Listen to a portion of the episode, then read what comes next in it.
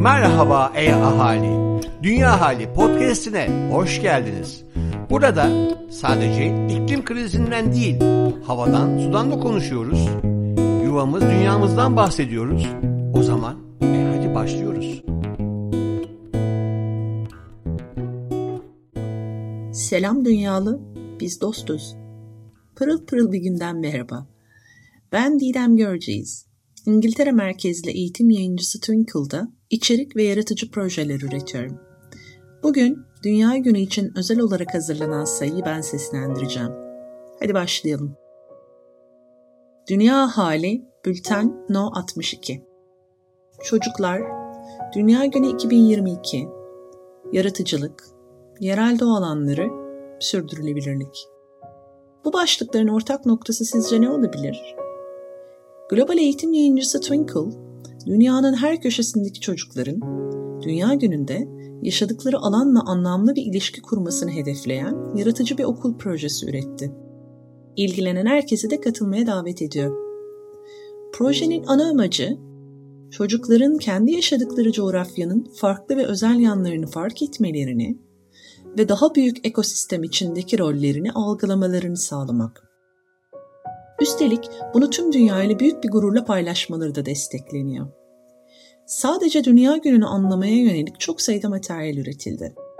Online ve interaktif bir harita üzerinde diğer ülkelerdeki okulların ne paylaştıklarını da görmek mümkün. Katılım koşulları ve proje detaylarını Twinkle blogunda okuyabilirsiniz.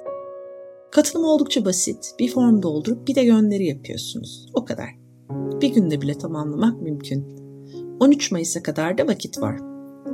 Dünya Günü'nde gezegenimizin güzelliğini kutlamak ve tüm dünya çocuklarına katılmak isterseniz linke Aposto'daki bültenden ulaşabilirsiniz. İklim Masası Çağla Fadıllıoğlu Haberler Küresel rüzgar enerjisi kapasitesi 2021 yılında 94 gigawatt arttı. Küresel Rüzgar Enerjisi Konseyi tarafından 2022 Küresel Rüzgar Raporu yayınlandı. Buna göre 2021 yılında küresel rüzgar enerjisi kapasitesine 94 gigawatt eklenmesiyle toplam kapasite 837 gigawatt'a çıktı. Dünyanın toplam rüzgar enerji kapasitesi, dünyanın her yıl 1.2 milyar tondan fazla karbondioksit engellemesini sağlıyor. Bu miktar Güney Amerika'nın yıllık karbon salımlarına eşdeğer. Öte yandan yıllık eklenen rüzgar enerjisi santralleri 2050 yılında net sıfır olmak için yeterli değil. Her yıl yenisi eklenen rüzgar enerji kapasitesinin 2030'a kadar 4 katına çıkması gerekli. İklime uyum Salımları azaltmanın ve değişen iklime uyum sağlamanın ekonomik açıdan değerlendirmesi hem hükümetler hem de şirketler için önemli olmaya devam ediyor. Hükümetler arası iklim değişikliği paneli tarafından hazırlanan raporlar başta olmak üzere hazırlanan önemli iklim raporlarında iklim krizine karşı azaltım çalışmalarının makroekonomik sonuçları farklı düzeylerde ele alınıyor.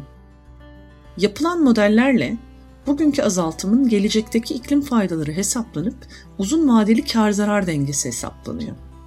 Çünkü salınan sera gazlarının zararları aslında hemen ortaya çıkmıyor. Küresel ısınmayı nispeten güvenli sınırlarda tutabilmek için salımları 2030'a kadar %45 azaltmalıyız. Hükümetlerin verdiği iklim sözleri ise 2030'a kadar %14'lük artışa denk geliyor. Öte yandan hem hızlı ucuzlayan yenilenebilir enerji hem de azaltımın uzun vadeli ekonomik faydaları azaltımın arttırılıp hızlandırılmasının önünü açıyor.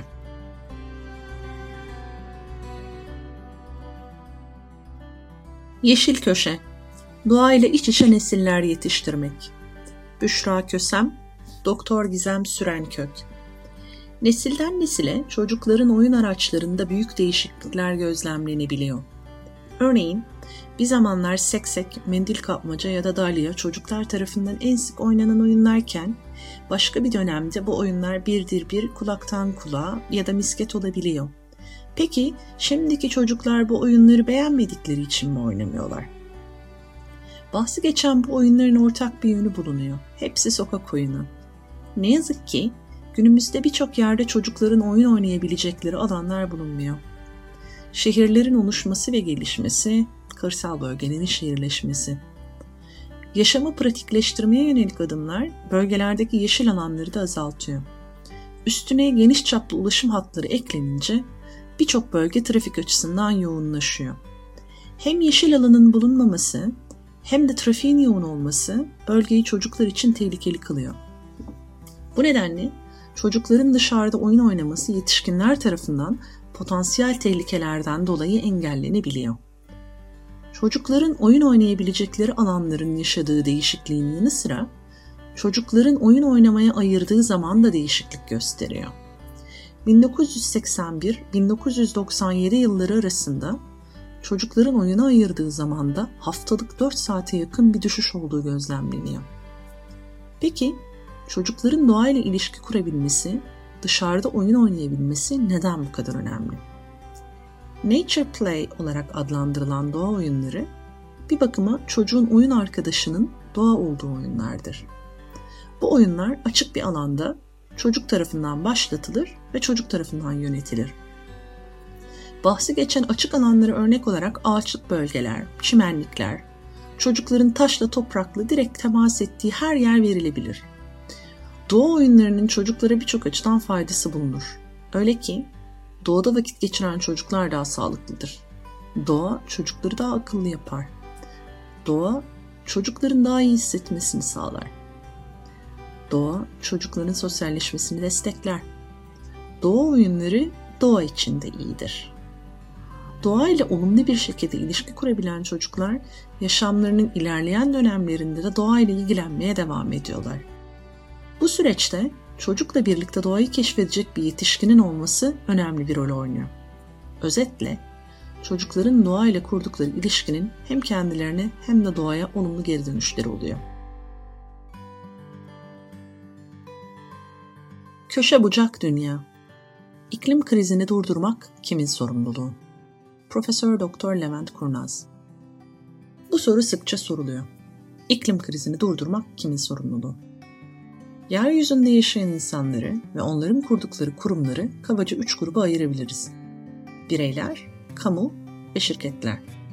Şu anda karşı karşıya olduğumuz kriz, bu üç grubun birlikte yarattıkları bir problemdir ve bu problemin çözümü gene bir uç grubunda sorumluluklarını üzerlerine almasıyla bulunabilir. Öncelikle unutmamamız gereken nokta. Az sayıda istisna haricinde tüm kamu kurumlarının zaman içerisinde bireylerin yarattıkları ve sürdürdükleri yapılar olduğudur. Biz bir gün bu yapıların değişmesine karar verecek olursak değiştiririz.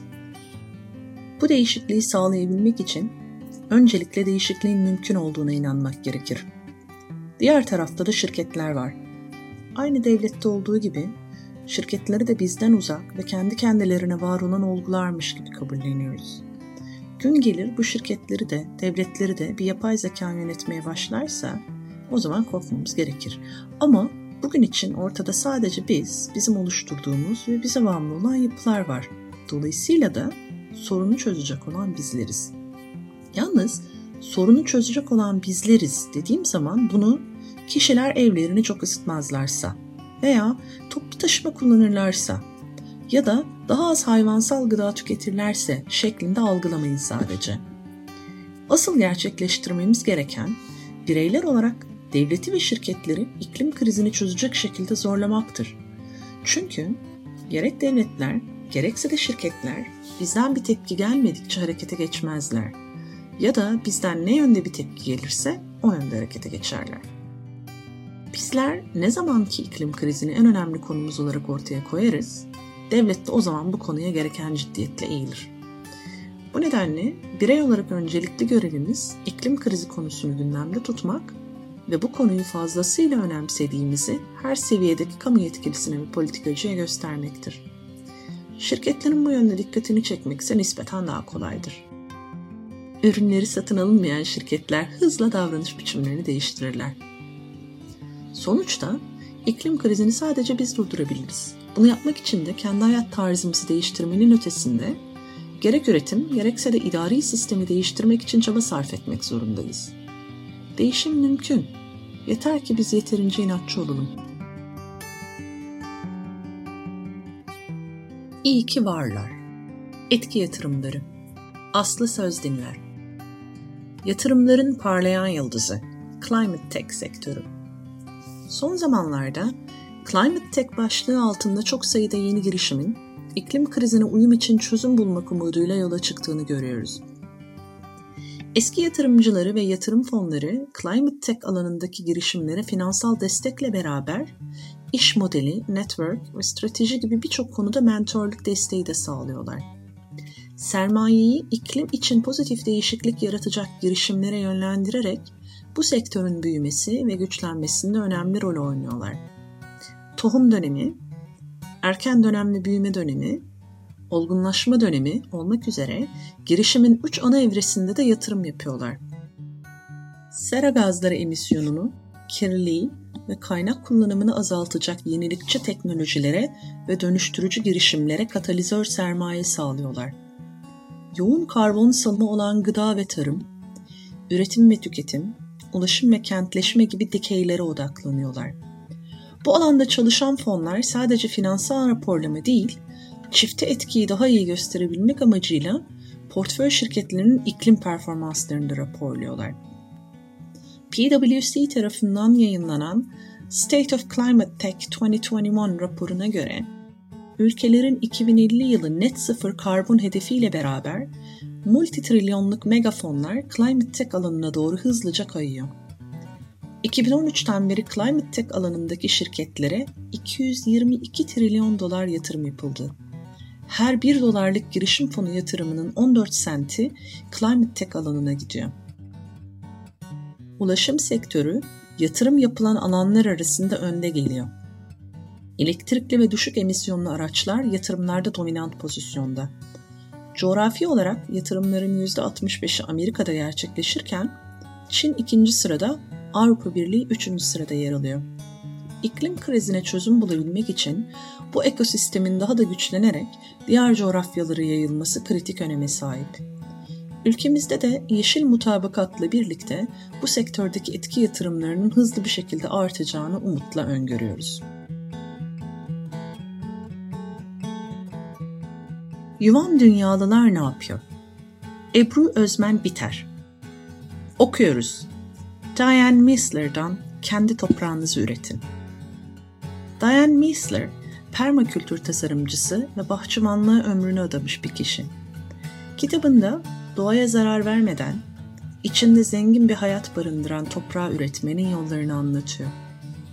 Toprak, tüm canlıları besleyen ve nefes alan canlı bir organizma. Bize yaşadığımız gezegeni kurtarma şansı da veriyor. Çünkü aynı zamanda en büyük karbon yutaklarından birisi. Toprağı yok edersek dünyamızı da yok edebiliriz. Toprağın geleceği bize bağlı. İnsanların geleceği de toprağa. İyi bir bahçenin sırrı da toprak. İyi toprak nedir, nasıl oluşur merak ediyorsanız bu kitap sizin için.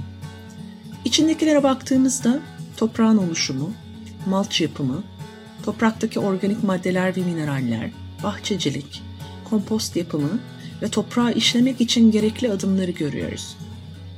Anlatım görsellerle zenginleştirilmiş ve rahat bir akışla verilmiş. Kitapla birlikte merak ettiğiniz konularda eğitimlere de bakmak isterseniz önerilerimiz var.